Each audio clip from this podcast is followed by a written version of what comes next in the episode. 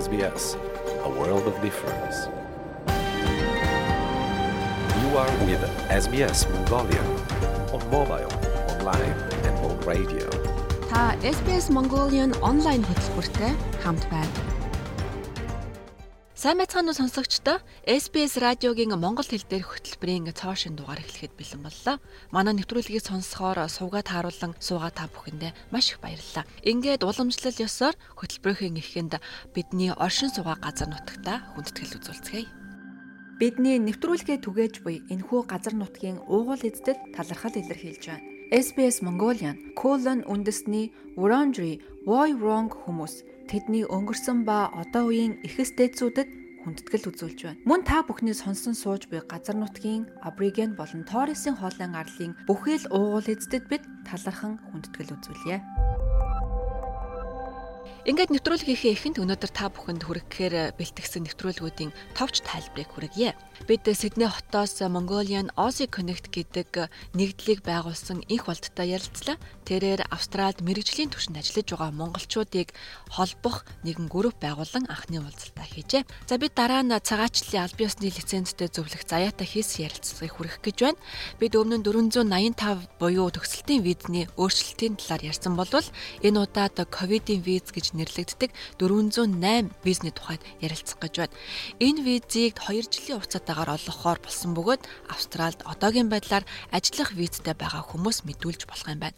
Үнийг бүрэн тайлбарыг та манай хөтөлбөрөөс хүлээн авч сонсоорой. За мөн оршин суугч болонгаараа Австралийн торгуулийн системийн тухайд ярилцах гэж байна. Ингэхдээ бид нар та торгуул хүлээн авсан бол хэрвээ төлөөгүй тохиолдолд ямар хариуцлага хүлээдэг талаар ярилцах болно. За мөн ямар тохиолдолд торгуул оноодог талаарх мэдээллэгч мөн авах боломжтой. Австралийн New South Wales мужид хичээлийн 4-р улирлаас эхлээд улсын ахлах сургуульд гар утасны хэрэглээг хязгаарлахаар болсон байна. Эдгээр болон бусад мэдээллийг та өнөөдрийн манай хөтөлбөрөөс хүлээн авч сонсоорой. Ингээд бүтэн нэг цагийн туршид хамтдаа байж монгол хэл дээр хөтөлбөрөө хүлээн авч сонсоорой. Та SBS Монгол нэвтрүүлэгтэй хамт байна.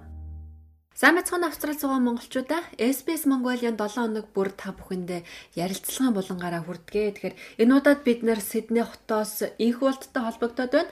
За тэрээр хэсэг нөхдийн хамт Mongolian Aussie Connect гэдэг ийм нэгдлийг байгуулсан. Тэгэхээр тэдний хувьд бол хамгийн гол зорилго нь Австралид мэрэгжлийн төвшөнд ажиллаж байгаа монголчуудаа хооронд нь танилцуулах, тэдний туршлагыг хуваалцах. За цаашлаад ер нь ажилд ороход нь дэмжлэг үзүүлэх юм community үүсгэх зорилготой. Тэгээд анхны уулзалтаа зохион байгуулад олон салбараас хүмүүс оролцож цаашид бие биенээ хэрхэн дэмжиж туслаж болох вэ гэдэг сэдвээр бас ингэж ярилцгаасан байна. Тэгээд энэ талаар хийсэн ярилцлагыг одоо хүлээн авна уу? Лайк, share, комент үлдээгээрэй. SBS Монгол Facebook хуудсыг дагахаа мартаоцай. За сайн уу инх болдоо. За сайн байна уу. Mongolian Aussie Connect гэдэг ийм нэгдэл ерөөхдөө байгуулагдсан анхны ивэнтээ бас дөнгөж сайхан зохион байгуулсан. Тэгээд та нарын анхны зорилго ер нь юу байв? Хаанаас энэ санаачлаг гарсан бэ? За тийм. Mongolian Aussie Connect community сая анхны яг in person те буюу биеэр ингэж уулзсан анхны уулзалтаа зохион байгуулсан. За яг яагаад энэ community-г ер нь үүсгэх болсон бэ гэхлээр би танд товчхон түүхийг бас ярьчих. Анх бол биднес болохоор нөө энд ажилдаг IT-гаар ажилдаг хэсэг залуучууд байдгийг. Анх ингээд IT-гаар ажилдаг залуучуудын групп байгуулад нэг үе бодоход биднес чинь баг нэг хүн л одоо жишээ нь 10-аас дээш жил IT-ийн салбарт ингээд ажиллаад янз бүрийн Австралийн мундаг мундаг компанид ажилладаг ингээд залуучууд нэгдээд ингээд явж байгаа биднес нэг хэсэг яасан юм аа. IT-гээр одоо сурж байгаа доотлын үе одоо шинээр ирж байгаа оюут хөгтөч юм те тэдэнтэй ментор болоод яаж ер нь австралид ажил болдیں۔ Яаж ямар хүндрэлүүд байдیں۔ Тэрийг яг яаж давх уу ч гэдэм те. Тэгээд ийм сургалт байдлаар ингээд явсан. Эндээс биднээс нэг сурсан юм болохоор за ер нь бол айгүй хэрэгтэй юм байна. Нэгэндээ нэгж тусалж явах юутай юм байна. Хоёуднаас ч гэсэн те доод үеэсээс ингээд нэлээд өндөр фидбек аваад хит хитэн бүр хүн болгоны ингээд бэкграунд одоо яаж ажил болсон талаар зөндөө онлайн ярилцлагууд биднес митинг хийсэн. За тэгээд би бол яг хажуугаар нь бас бодож байхдаа болохоор зөвхөн IT биш. Ер нь Австралид янз бүрийн ажиллаар ажил хийж байгаа мундаг мундаг компанид тэ ажиллаж байгаа хүмүүс байгаа юм чинь. Яагаад зөвхөн IT-гаар хязгаарлагдах ёстой гэж гээд тэгээд аль болох олон өөр төрлийн ажилтдаг хүмүүсийг оруулж ирвэл зүгээр юм болоо гэж бодсон. Тэгээд яг тийм шалтгаанаар Mongolian Aussie Connect гэдэг анх бол зүгээр WhatsApp дээр ийм групп байгуулад тэгээд нэг таньдаг хүмүүсэнтэй одоо professional яг нэг network-оор Монгол хүмүүсийг нэгтгсэн. ийм нэг групп байгуулж гарч ирээд явсан тийм төвхтэй байгаа. Наа чинь яг өнөөдөр цаг уяа болсон айгүй чухал сэдв байна их болтой те. Ер нь энд мэрэгжлийн түвшинд ажилд ороход бол networking хамгийн чухал. За тэгвэл хамгийн анхны та нарын ивент дээр ямар ямар салбарын хүмүүс байна? Монголчууд ер нь аль салбарт те энэ профешнл салбартаа сайн ажиллаж байгаа тийм жишээнүүд ер нь хаана юу байна? Тантай санал нэг байна. Networking бол айгүй чухал. Тэгээд ялангуяа Австрал ч юм уу ер нь барууны western culture чинь referral гэдэг нэг юм амар чухал юм байдаг шүү дээ. Тэгэхээр нэг хүн ажилд ороход referral нөгөө нэг танил хүнээр одоо жишээ нь бол ажилд орох магадлал нь өөр амар өндөр болчдөг. 1000 гаруй хүн нэг ажилд apply хийлэхэд те referral хийцнүүдээ төрүүлж ярилцлаганд авдаг ч юм уу. Тиймэрхүү boost хийх боломж байдаг анхны уулзалт руугаа буцаж ороход би биднес нэг 20 орчим хүн л ирэх болов гэж бодсон. Тэгээд сүүлийн өдрүүдэд нэмэгцээр гаад бараг 45 бүртгүүлсэн байдیں۔ За тэгээ яг ирсэн хүмүүсийн тоон бол ойролцоогоор 41 орчим хүмүүс ирсэн. Энэ болохоор яг Сидней хотод ихний байдлаар зохион байгуулсан байна. За тэгээд хэд хэдэн сонирхолтой судалгаа хийсэн. Энэ хүмүүсээс биднес бүртгэл авахтаа жоохон дата цуглуулсан. За тэгээд хүйсийн харьцаа нийт ирсэн хүмүүсийн хүйсийн харьцааг харахад бол 41 хүнээс 3-ны 1 нь эрэгтэйчүүд байсан. 3-ны 2 маань эмэгтэйчүүд байж таарсан. Тэгэхээр эмэгтэйчүүд бас ингэж ирж тарвуу эсвэл угаасаа яг ийм их харьцаатай нөө бас сайн мэдэхгүй. Яг нөгөө бас нэг яриад байдаг шүү дээ тийм Монгол залуучмууд маань хөвчлэн барилгын салбартаар одоо байгаа гэдэг. Тэрний бас нэг илрэлт байж магадгүй болов уу гэж энэ судалгаагаар харагдсан. За тэгээд цаашлуулаад харвал оюутнууд маань бас нийт 40-ны 3-ны 1-нд болж ирсэн. А бус нь яг үндсийн салбарт янз бүрийн индустрид ажилладаг хүмүүс гэж ойлгож болно. За тэгээд ажилч буй салбараас харахад бол ерөөсөө манайхан яг зөнхөлсөн хоёр салбарт илүү ажилладаг болж таарсан. А энэ дэр гэхдээ би нэг юм тодруулж хэлэхгүй болохгүй баг. Ирсэн хүмүүс маань болохоор яг одоо монголчуудыг бас яг тэр чигээр нь төлөөж чадах уугүй гэдэг болж байгаа хэрэгэлзээтэй нь яг гэвэл эн чин нэгнийгээ таньдаг хүмүүсээ ерөөхдөө дуудсан анхны жижиг болцсон болохоор тий. За гэхдээ энэ яг судалгаанаас авч үзэхэд бол IT болоод finance буюу санхүүгийн салбарын чиглэлээр ерөнхийдөө 50% энэ хоёр салбар одоо нэг нь 25% та нөгөөх нь 22%-аар зохилчт юм байлаа. За тэгээд бусад салбаруудаас бол healthcare буюу эрүүл мэндийн салбар За accounting, construction, барилга, consulting, эрүүл education, маркетинг энэ гэсэн янз бүрийн салбаруудаас хүмүүс бас ирсэн байна лээ. За тэгэд яг биднээс нэг зорж байгаа юм болохоор за эхний ээлжинд бол эхний митинг дээр нэг иймэрхүү тархацтай байгаа юм байна тий. Одоо юм мэрэгчлүүдийн хувьд бол тэгэхээр мэдээж монголчуудыгаа өөр одоо жишээ нь Мельбурнаас одоо бусад энэ мужуудаас ч юм уу тий. Янз бүрийн профешнл салбарт ажиллаж байгаа хүмүүсээ ч юм уу сурж байгаа хүмүүсээ нэгтгэхэд энэ тоо нэлээд гоё наривчлал гараад ирэх байх. Тэгээд салбарууд маань ч гэсэн нэмэх болов. Тэрэн дээр бол ер нь бол 100% итгэлтэй байгаа. Бас нэг судалгаа хийсэн ирсэн оюутнуудаас ерөөсөө бакалавр оюутан байгаагүй бүгдээрээ магистрийн оюутан байж таарсан. За тэгээд бас IT-ийн салбараа харахад бол яг энэ баг ойлгомжтой ч юм уу ер нь нийтлэг тийм ойлголт байдаг. Гэхдээ ер нь бол IT-ийн салбараас одоо нийт 8 9 ирснээс 90% нь эрэгтэйчүүд, эрэгтэй хүмүүс байж таарсан. А за эсвэргээр finance буюу яг санхүүгийн салбарт бол эмгтээчүүд зохилт юм байлээ. 90-од өрөөдөн. Нэг тэмхүү аж таарсан. За компани бол тэгээд би баг 40 гаруй өөр компаниуд байна. Бүгднийг дуртаад яг хөө гэхдээ ганц хоёр зохилж байгаа компани бол одоо жишээ нь TopTal, TCS гэдэг нь одоо Tata Consulting firm гэж байгаа. Тэр нь болохоор бас дэлхийд ихний товд ордог яг IT-ийн чиглэлээр үйлчлэг үзүүлдэг компани. За Westpac гэдэг компани байна. Commonwealth гэдэг банк байна тий. Westpac гэж ойлоо банк. Dropbox гэдэг нөө олон улсын IT-ийн бас компани байна. Гэх мэтлээ ингээд зөндөө янз бүрийн компаниуд байт юм байлээ. Энэ networking хийх гэж ирж байгаа хүмүүсийн та нар ярилцсан гол сэдв юу байсан бэ ер нь? Юун дээр анхаарыг, бие бинийгаа яаж дэмжиж, бид нар яг юу хийж чадах талаар ер нь юу гэж ярилцсан бол? За тийм. Энэ маань ёо анхны уулзалт байсан болохоор биднээс тэгж айхтар амбицсангүй. За ямар ч байсан нэгнийхээ мэддэж авъя тийм. Ямар ямар хүмүүс байдیں۔ Хаанаа ажилт ингээд За тэгээ ирсэн хүмүүс дээр саний судалгаа хийгээд ерөнхийдөө цаашдаа үргэлжлүүлж энэ судалгаагаа хийн. А биднээс гол зорилго болохоор эхлээд ямар ч хэсэг networking хийж хаана хаана ямар хүмүүс ажилтгаа ойлгож ирсэн нэг тиймэрхүү баримжаатай эхэлсэн. За тэгээд митинг одоо энэ яг panel discussion зохион байгуулсан. За panel discussion-ы маань гол зорилго нь юу байсан бэ? Нэг 10-аад асуулт өрн гаргасан юм аа. Тэгээд одоо ингээл ярьдэн штэ биднээс одоо Чингисийн Монгол Монгол хүмүүс ингээд хөрвөх чадар сайтай энэ төр гээл тэ. За тэр маань яг одоо яг үнэн үү яг та дээр одоо яг тэ ажилвуу тэ яг биднээс тийм даваа тал байд юм уу энэ төр гэсэн тийм их асуултууд. За яг эсвэл Монгол хүний бас эсэргээрээ дутагдaltaй талууд байна тэ. Яг юун дээр алдаад юм биднээс яг юун дээр сайжруул биднээс илүү бус орноос ч юм уу илүү даваа тал үүсгэр байна. Гэх мэтлэн тэгээд ерсэн оюутнуудаа бас зөвлөгөө энэ төр өгсөн. Тиймэрхүү чухал чухал сэдвүүдийг ерөнхийдөө хөндөж ярьсан байгаа. Аа тэгээд энэ завшааныг талентуулаад бас тийм панел дискшнд орсон гурван залуудаа хүмүүстээ бас баярлалаа гэж хэлмээр санагдлаа. За ерөнхийдөө монголчуудын networking ингэж үүсч эхэлж байгаа маань анхны ахалмуу тавигдаад эхэлсэн юм байна. Тэгвэл энэ ахалмыг тавьж байгаа энх болдоо чи өөрийнхөө тухайд яриач Австралид хизээ ирсэн бэ? Ямар салбарт ажиллаж байна? Мэдээж ийм өргөн үйл ажиллагаатай юг ганцаараа ол зохион байгуулаагүй. Аа бас хамтран зохион байгуулсан хүмүүсээ дөрөлт хэрэгтэй. За манай хамтран зохион байгуулсан Буйна гэдэг бүсгүй байгаа. Буйна болохоор Select Equities гэдэг компанид operation analyst чиглэлээр ажилладаг. За тэгээд тэргэл гэдэг бас бүсгүй байгаа. Мундаг одоо бас хувийн бизнестэй энд photographer янз бүрийн ивентийн мэрэгчлийн зураг авалт хийж явдаг бүсгүй байгаа. За бид гурав бас хүмүүс бас цаг зав гарган бас тусалсан. Ерөнхийдөө иймэрхүү байдлаар зохион байгуулсан.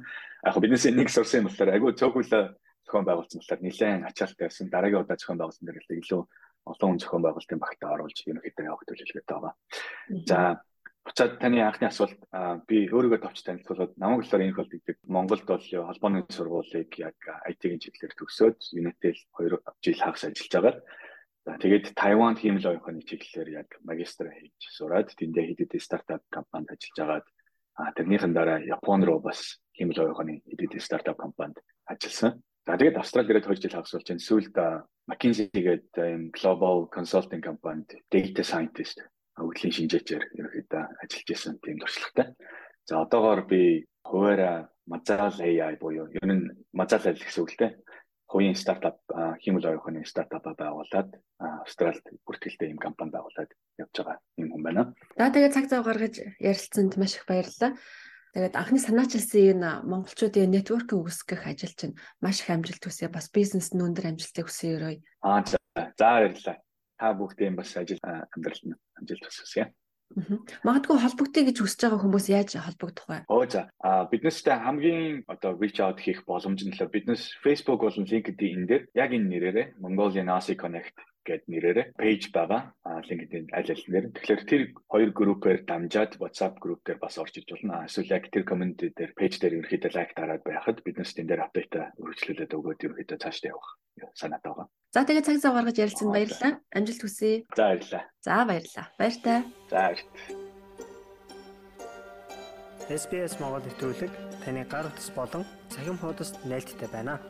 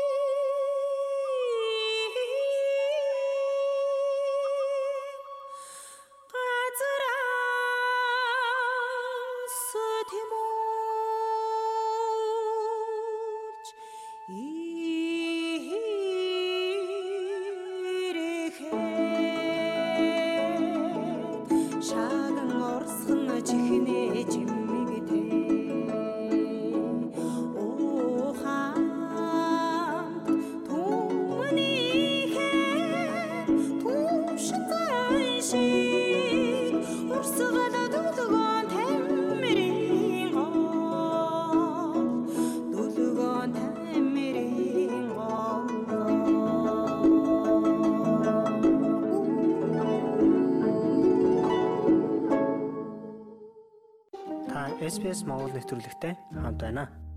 Сайн мэцхан уу Австрали зугаа монголчуудаа бид амлсан ёсоор Австралийн цагаачлалын лицензтэй зөвлөх заяатай хийсэн ярилцлага үргэлжлүүлэн хүрэх гэж байна.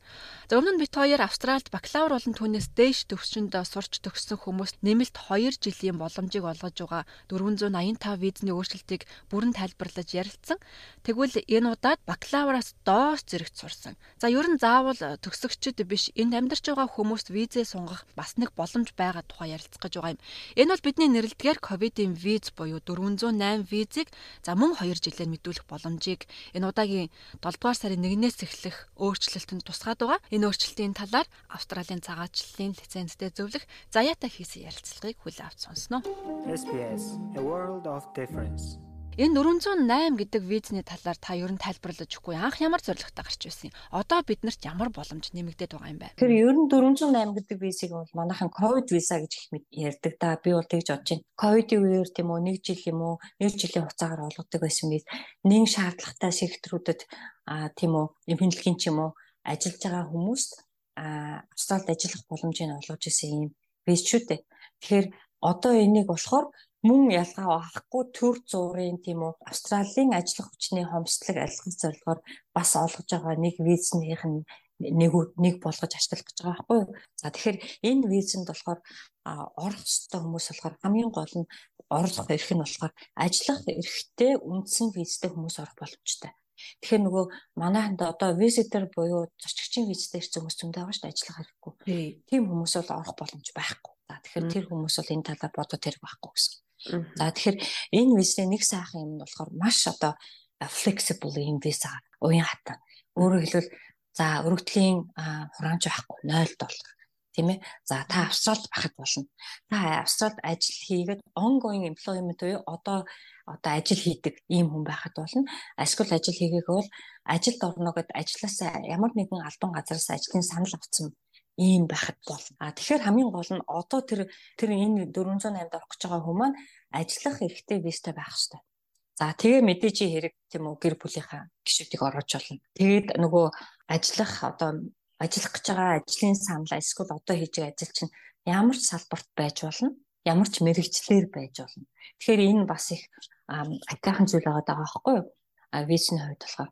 Тэгэхээр хин энд орж явах юм бол anyone тийм үү Австралид байгаа а ажлын ажил хийдэг юм уу ажлын саналтай а тэгээ ажиллах хэрэгтэй визтэй хинч байсан орж болох юм виз байгаа шүү.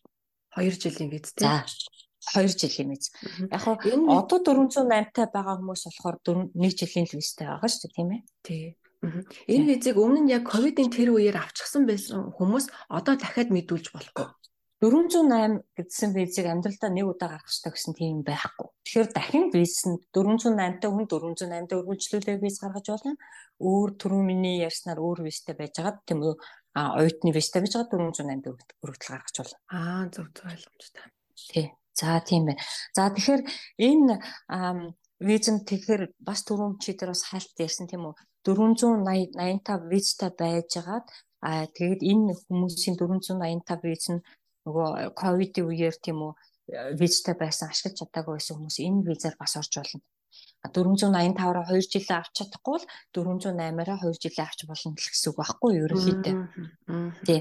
А тэгээд тэрнээс гадна 485 визтэй байжгаад тэр нь болохоор 22 оны 9 сар дуусаад 22 оны 9 сарын 1-ээс 23 оны 7 сарын 1-ний хооронд энэ визэнд дуусж байгаа хүмүүс бас орж болно. А мөн 485 нь 7 сарын 1-ээс хойш дуусч байгаа хүмүүс бас орж байна. За тэгээд тэрнээс гадна мөн 485 нь дуусаад 28 хоногоос хэтрээгүй байгаа хүмүүс орж байна. За жишээлбэл 7 сарын 1-нд боллоо тийм үү? Чи тэр өдрийн байдлаар чиний виз чинь жишээлбэл 9 сард дуусах гэж штэ 485 чинь тий. Тэгэх юм бол чи 408 аппликейшн хийж болно. За аль эсвэл чи 7 сарын 1-ний байдлаар чиний виз чинь дуусчаад байж исэн бол 28 хоноггүй байх юм бол тийм үү ямар ч визтэй байж болно шүү дээ тий. Оюутны виз чинь жишээлбэл дуусаад ингээд 28 хоног байх юм бол ийшээ орж бас болно гэсэн үг байхгүй юу. Тэгэхээр энэ 408 гэсэн ангиллыг харж үзээрэй. Тийм зөвхөн одоо 485 та хүмүүс биш тийм ээ. Оюутны визтэй, өөр ажиллах хэрэгтэй визтэй хүмүүс энэ энэ ангилын визийг бас харж болно шүү. Виз сонголтын дээр бидний хардаг нэг гол зүйл бол энэ визтэй байгаа тохиолдолд хүүхдийн сургалтын төлбөр бид нэр төлөх үү гэдэг нэг асуулт дандаа гарч ирдэг шүү дээ тий. 408 485 хүүхдийн сургалтын төлбөр төлдөг үү? Сургалтын төлбөр төлнө.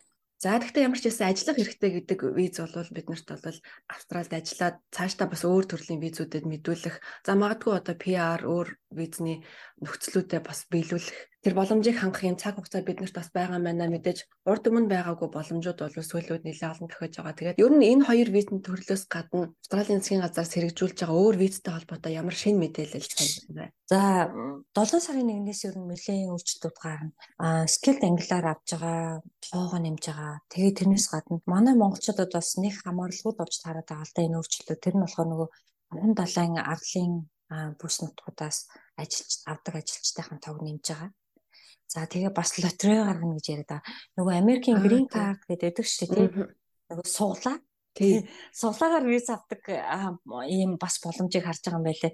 Гэхдээ одоогийн байдлаар тэрийг эсэргүүцсэн их а одоо эсэргүүцэл гарч ирж байгаа юм байлээ. Тэгээд яг 7 сарын 1-ээс ийм зүйл орж ирэх нь үгүй харж байгаа юм гэхдээ. Тэгэхдээ бас бүс нутгийн заасан байсан тий. Тийм. Тэгэхдээ тэр чинь бас бүс нутгийн заачиж байгаа байхгүй. Манай Монгол тэнд ногж байгаа юу? Үгүй баха. Би тэгж бодож байна. А тэрэн дээр бас мэдээж тэр чинь лотерей чинь мэдээж лотерей бол лотерей шүү дээ тийм ээ суглаа тийм.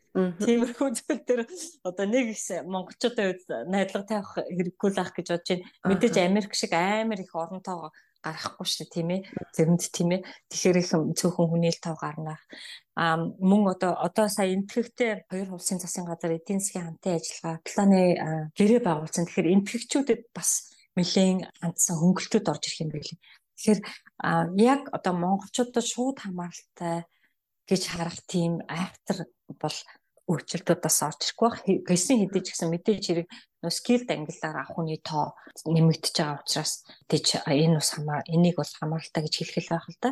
Аа тэгээд бас партнер виза, child visa гэдэг гэр бүлийн урсгал дээр нөгөө урд нь болохоор жил болгон тэд гээд ингээд нэг а босго заачдаг гэсэн шүү дээ тооны хязгаар тийм үү улаан шугам тавьчихдаг гэсэн тийм зүйл одоо байхгүй тэгээд хэдлүүл хэд орж ордно гэсэн.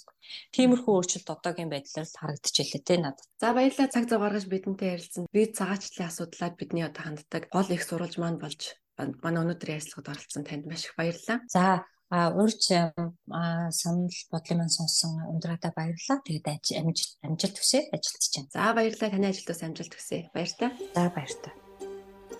Бидний хүссэн газраа сонсоорой. SBS радиогийн аппликейшнийг SBS.com.cg юу радио апп хаягаар татаж аваарай.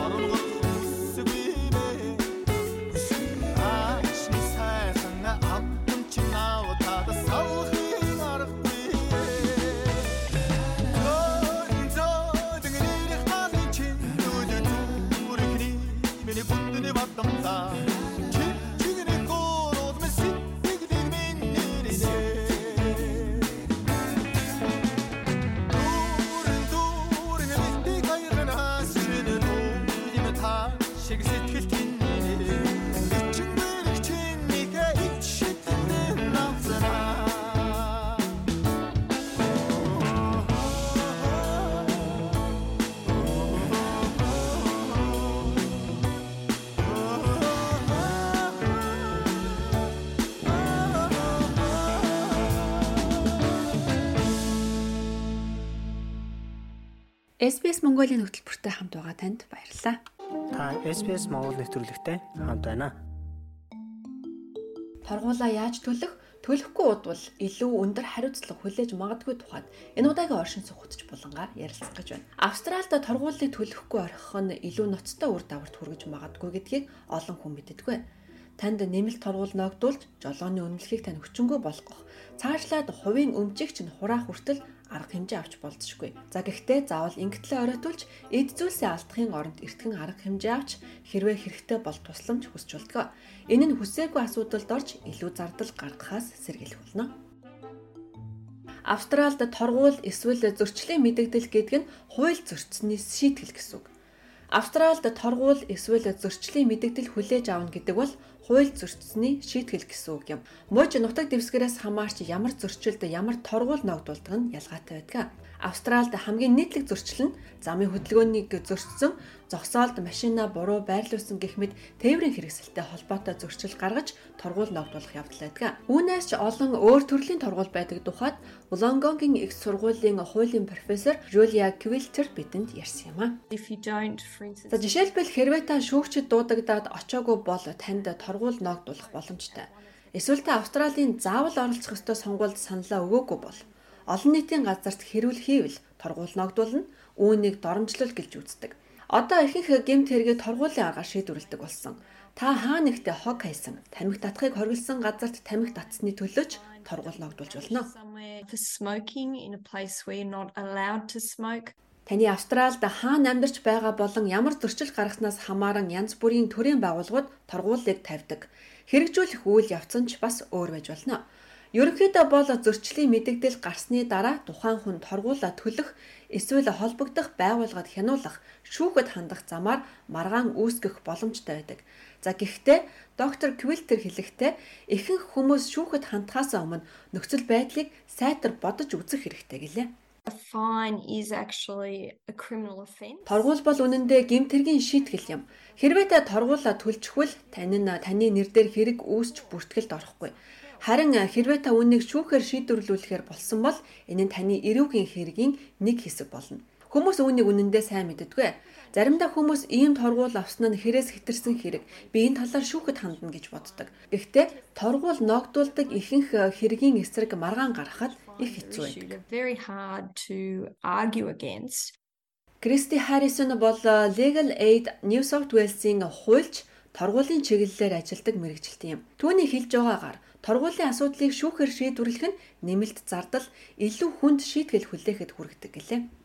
People should get legal advice before. Хүмүүс шүүхийг сонгохоос өмнө хуулийн зөвлөгөө авах ёстой. Цагийн хатуу хязгаарлалтуудтай байдаг учраас хойшлуулах хэрэггүй. За визтэй хүмүүс шүүхээр явхаас өмнө хууль зүйн зөвлөгөө авах нь бүр илүү чухал. Учир нь тэд шүүхээр яваад амжилт олоогүй тохиолдолд илүү шийтгэл хүлээж болох бөгөөд үүнийг тэд зан харилцааны төвшөндөө алдаа гаргасан гэж үзэж болзошгүй юм. Торгуулийн хугацаа дуустдаггүй. Өдөр хоног өнгөрөх тусам нэмэлт мөнгө бодогдож байх бөгөөд энэ нь өссөөр байдаг. Харин үүний оронд торгуулаа яаж төлөх сонголтуудыг сонирхож үзэх нь зүйтэй. Танаа муж эсвэл нутаг дэвсгэрт торгуул хураах үүрэгтэй төрийн байгууллага таны торгуулийг хэсэгчлэн төлөх сонголтыг санал болгож болдог. За жишээлбэл New South Wales-ийн хүмүүс Revenue New South Wales-д хандаад торгуулаа хэрхэн төлөх төлөвлөгөө авах хүсэлт гаргаж болдог. Эсвэл торгуулаа төлөх өөр сонголтууд ч байж болдог. Хадагта Харрисон ингэж тайлбарллаа.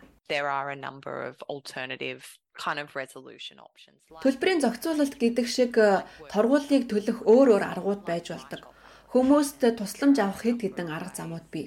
Хамгийн гол нь та торгуулаа тоохгүй орхиж болохгүй. Хэрвээ та шинэ өмнөд West байгаа бол орон нутгийн иргэдийн хуулийн төвтэй эсвэл Law Access-тэй холбогдож тусламж хүсээрэй. Access if you're in New South Wales and ask for some help. Торгуулаа төлөөгүй нь торгуул гэж бий.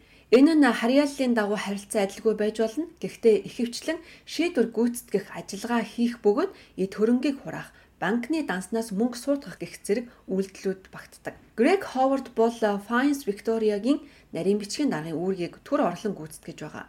Энэ байгууллага бол муж даяарх зөрчил шүүхийн шийдвэрийг удирдах хэрэгжүүлэх үүрэгтэй төрийн байгууллага юм. За тэрээр торгуулаа төлж барагдуулаагүй хүнд учирч болох зарим үр дагаврыг тоомлон ярьлаа. So if you fail to pay the fine, fees will be added. Those fees will depend. Хэрвээ та торгуулаа төлөхгүй бол хураамж нь нэмэгдэх бөгөөд эдгээр нь үндсэн торгуулийн шин чанараас хамаарат ялгаатай байдаг. Та одоо илүү их мөнгө төлөх ёстой гэсэн үг. Дээрэс нь албадлагын арга хэмжээ авч болно. Хууль сахиулах арга хэмжээ таны машиныг дугуйгаар нь бэхлэх зэрэг олон зүйлийг хийх боломжтой. За мөн Fines Victoria байгууллагын захирал таныг торгуулаа төлөх хүртэл таны бүртгэлийг төдгөлзүүлэх За эсвэл жолооны үнэмлэхийг төдгөлзүүлэхийг тээврийн газраас хүсч болдог.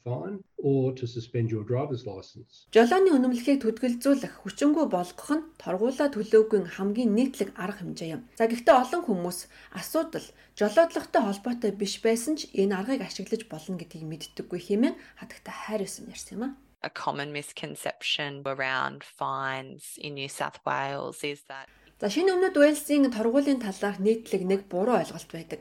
Та торгуулаа төлөөгүйгээс албатан хэрэгжүүлэх ажиллагаа явах гэж байгаа бол таны жолооны үнэмлэхийний хориг тавьдаг. За мөн таны банкны дансыг хаах гэх мэт хориг арга хэмжээ авах эрх байгаа. Энэ нь ямар ч төрлийн торгуулийн өвд тохиолдож болно. Та саналаа өгөөгүй, торгуулаа төлөөгүй, жолоо барихтаа холбоогүй зөрчил гаргасан ч жолооны эрхээ асуулж болно for an offence that's not related to driving. Төлөөгүй торгуулийн шийтгэл залуучуудад илүү хүн дээр тусч болно. Тэд жолооны суралцагчийн зөвшөөрөл авах, эсвэл жолооны курс хамрагдах боломжгүй болж магадгүй. Доктор Квилтерийн тайлбарлаж байгаагаар үр дагавар нь залуусын гэр бүлдэж хүрч магадгүй гинэ. In Australia, the fine system is such that Австралийн торгуулийн систем нь торгуулийг өөр хүн төлөх боломжтой байдаг. Жишээлбэл залуучуудын хувьд эцэг эх нь залуу хүнийхээ торгуулийг төлөх боломжтой байж магадгүй. Мэдээч хэрэг энэ нь зарим эцэг эхчүүдэд торгуул төлөхөд илүү хүндрэлтэй байгаа бол бусдад нь гэр бүлийнхнийх нь хувьд энэ хийхэд бэлэн байгаа нэг зүйл нь байж ч болно шүү дээ. Торгуул төлөхөд цаг хугацаа чухал байдаг. Магадгүй та буруугүй атлаа торгуул хүлээж авсан бол аль болох хурдан арга хэмжээ авах нь чухал юм гэж ноён Ховард ярьлаа. When you receive for example a traffic camera fine Жишээлбэл та замын хөдөлгөөний камерын торгуул хүлээн авсан гэж бодъё. Харин та тэр өдөр машин бариагүй. Тухайн машин барьсан хүнийг мэдэгдэх ёстой болно. За тэгвэл танд 28 хоногийн хугацаа байна. Шүүхийн шийдвэр гүйцэтгэх байгууллага хүлээн зөвшөөрвөл таны тургуулаа хүчингү болгож таны нэр оноосон тэр хүн дээр дахин өгдөг. За энэ бол торгуул авснаас хойш богино хугацаанд хийх хамгийн чухал алхам.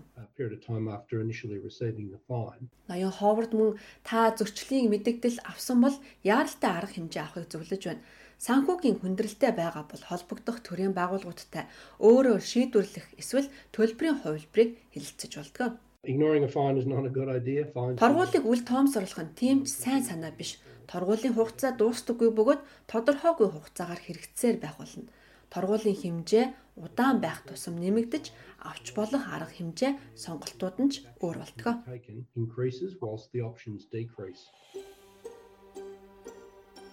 Австрали улсад байгаа бусад монголчуудтайгаа холбогдоорой. SBS.com.cg юу урагшаа зураас Mongolian хуудасаар зочлоорой.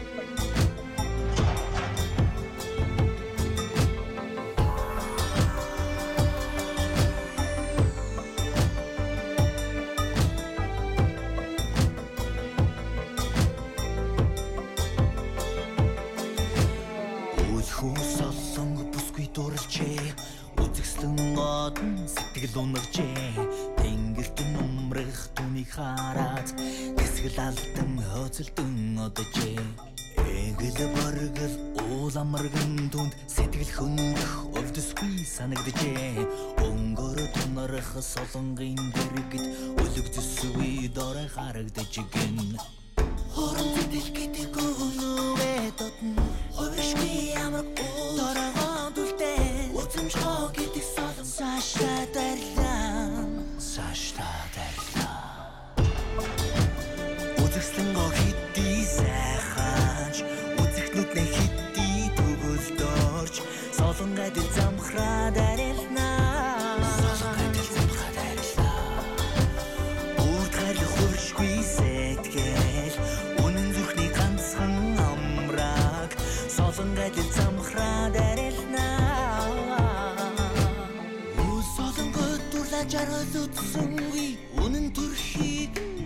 Таньсангүй нүд булаасан түүнийхээ араас нүч явдаг тавсантай болжээ. Тэнгэрийн удамд солонгыг хайж тинүүжилж амьдрах хувтах хожээ. Хосон хурамд солонгод гомцсон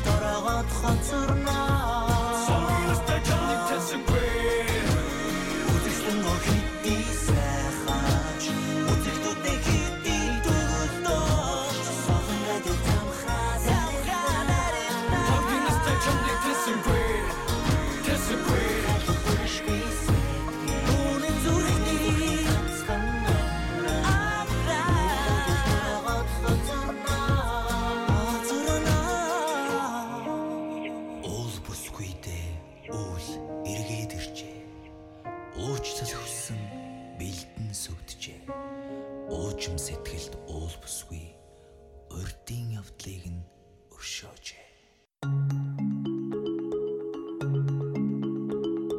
SBS Mongolian танд таалагдсан бол сошиал ертөнцид бидэнтэй холбогдож ярилцаарай. Та биднийг Facebook-ээс SBS Mongolian гэж хайгаад олох боломжтой.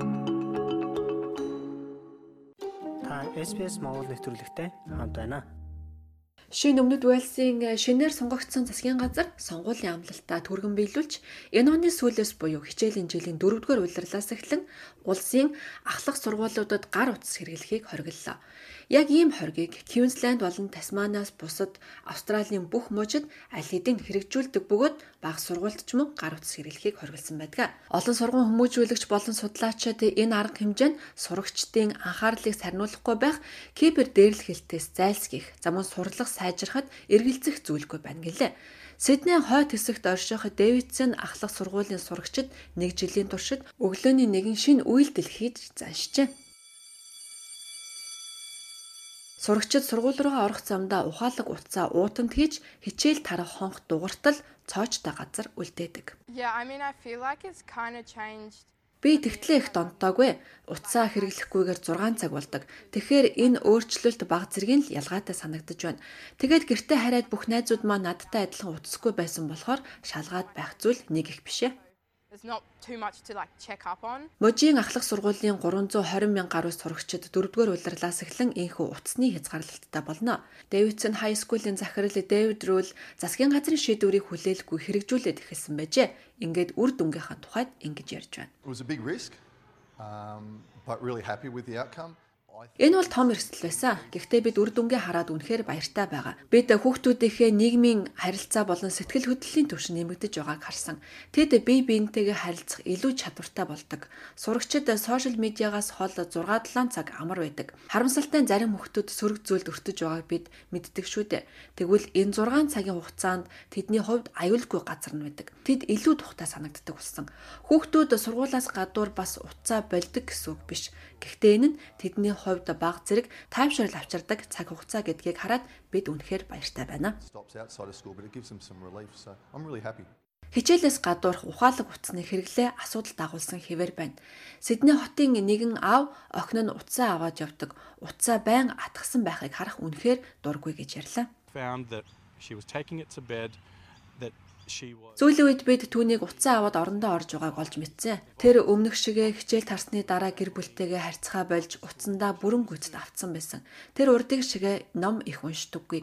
Зүгээр л анхаарлыг нь сарниулах тохиолдол байн байн ирж дугарч байдаг. Энэ аавыг Дэни Элач гэдгээ тэрээр бусад эцэг эхчүүдэд хандаж heads up гэдэг хөдөлгөөн эхлүүлжээ. Бид утасгүй сошиал медиа хэрэглээгүй ертөнцид бүрэн ганцаараа биш гэдгийг нь ойлгуулж энэ нь илүү тухтай тайван байх болно гэдгийг хүүхдүүдэд ойлгуулахыг хичээдэг.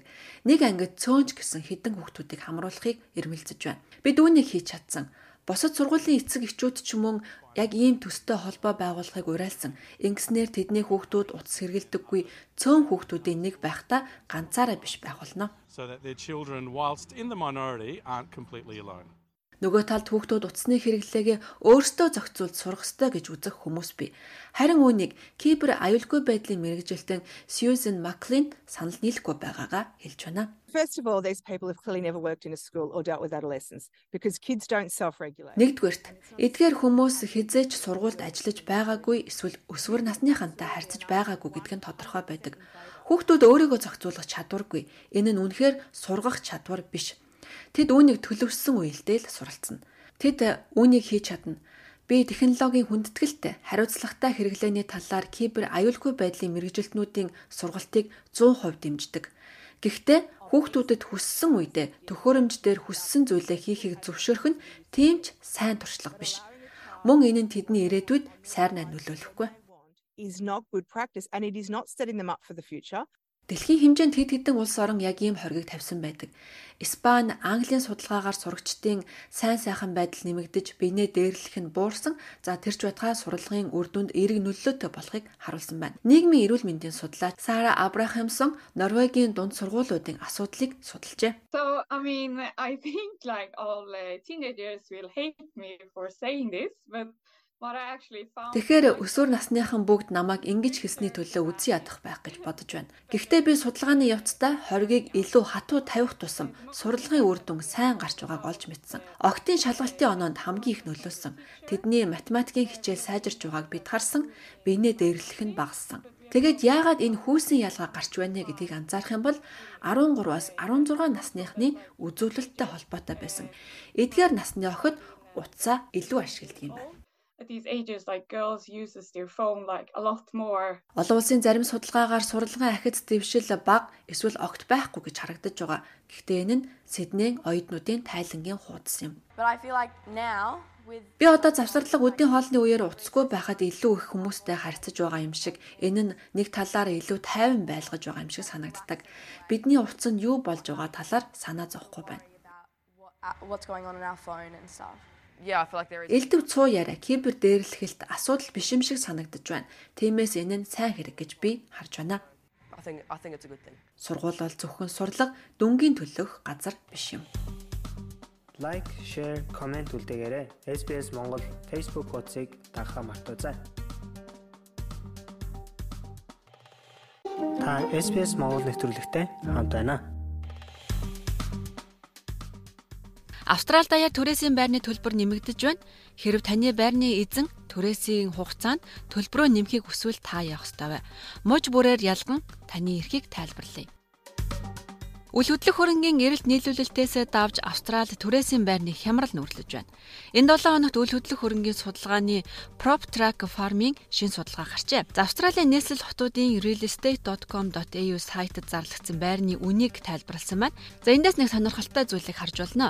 2022 оны 2 дугаар сард гэхэд нийт зарлагдсан байрны 31.5% нь 7 хоногийн түрээс нь 400 доллараас бага байжээ. Тэгвэл өнгөрсөн сард энэ тоо 14.6% болж буурсан байна. Харин орон нутгуудад арай бага. За 22 оны 2 дугаар сард 37.8% нь 7 хоногийн 400 орчим долларын түрээстэй байсан бол 12 сарын дараа 25% нь ийм түрээстэй болсон байна. За PropTrack-ийн Cameron Crush хэлэхдээ түрээсийн эрэлт нийлүүлэлтээс давж 7 хоног тутмын түрээсийн үн нэмэгдэж хоосон байр бараг байхгүйтэй ажиллууллаа гэжээ.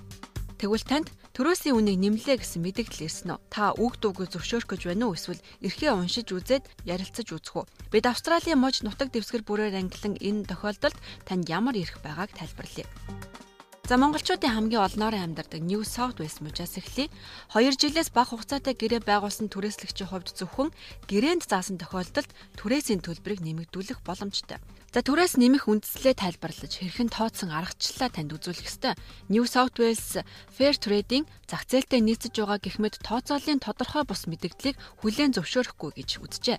2 ба түүнээс дээш жилээр гэрээ байгуулсан хүмүүсийн хувьд түрээсийг 12 сард нэг удаа нэмж болохоор хязгаарласан байдаг.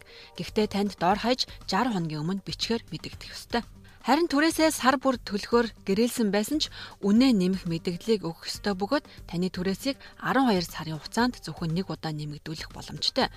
Хэрвээ та санал болгож байгаа үнийн өсөлтийг үндэслэлгүй гэж үзэж байгаа бол тухайн байрны эзэнтэй тохиролцохыг оролдож болно. Хэрвээ та нэмэгдлийг хүлээн зөвшөөрөхгүй байгаа бол New South Wales мужийн иргэний болон захиргааны иргэн шүүхээр хэлэлцүүлэх хүсэлт гаргаж болно.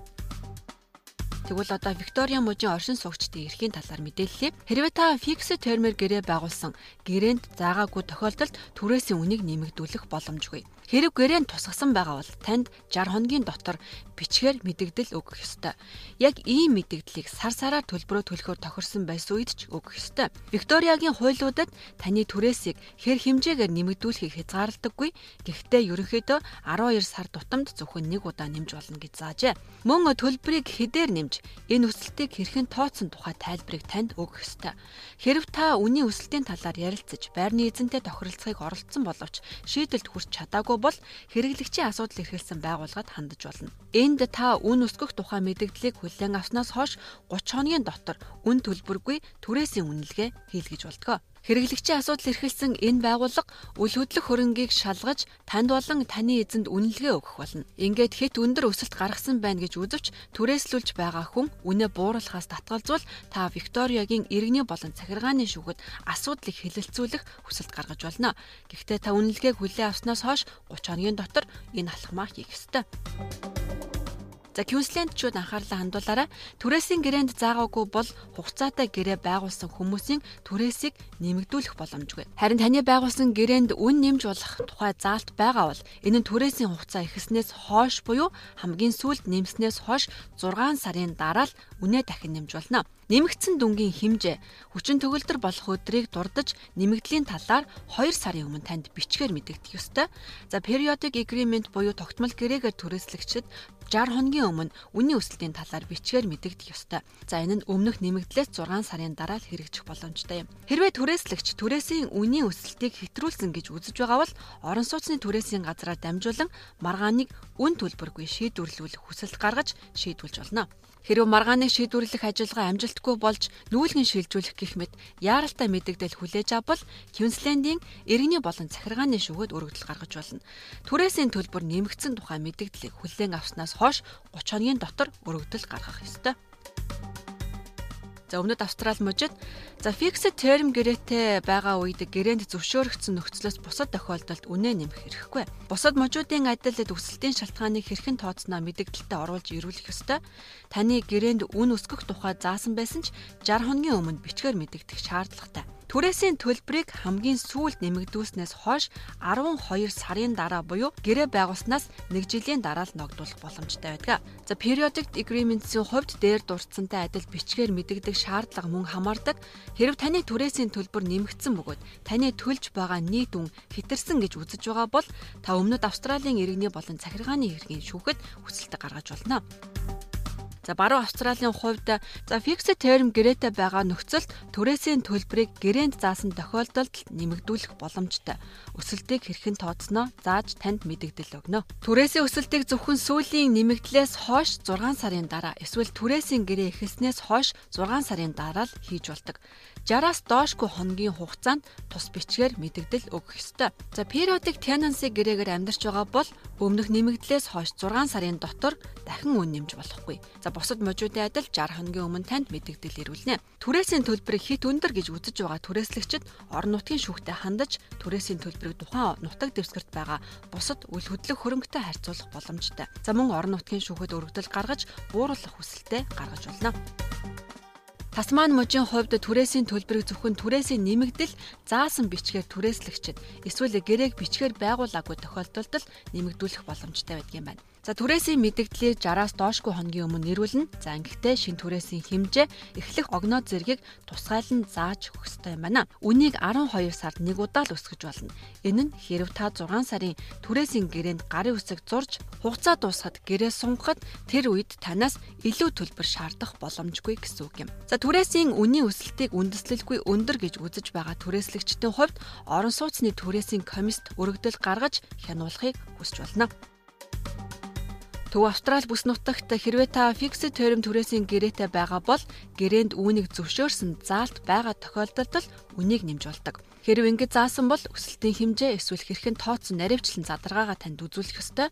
Хэрв 12 сараас доошгүй сарын хугацаатай fixed term гэрээний хугацаа дууссан бол 8-7 хоногийн өмнө мэдэгдэл өгснөөр нэмэгдлийг хүлээн авах боломжтой. За periodic tenancy-гийн хувьд түрээсийн төлбөрийг 12 сар тутамд нэг удаа нэмэгдүүлэх боломжтой. Мэдэгдлийн ижил шаардлагууд хамаарна. Хэрв 1998 оны орон сууцны түрээсийн журамд заасан тогтоосон хэмжээнээс хэтэрсэн бол зөвшөөрөхгүй хэрэггүй байж болно.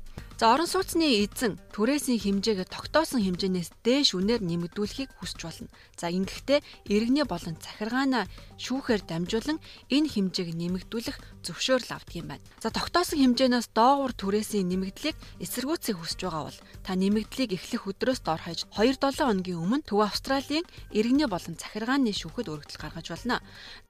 За бид дээр хэлсэн мууч нутаг дэвсгэр бүрийн захиргааны шүүх түрээсийн гэрээтэй холбоотой гомдол хүлээж авах байгууллагуудын захим холбоосыг нэвтрүүлгийн тайлбар хэсэгтээ орууллаа.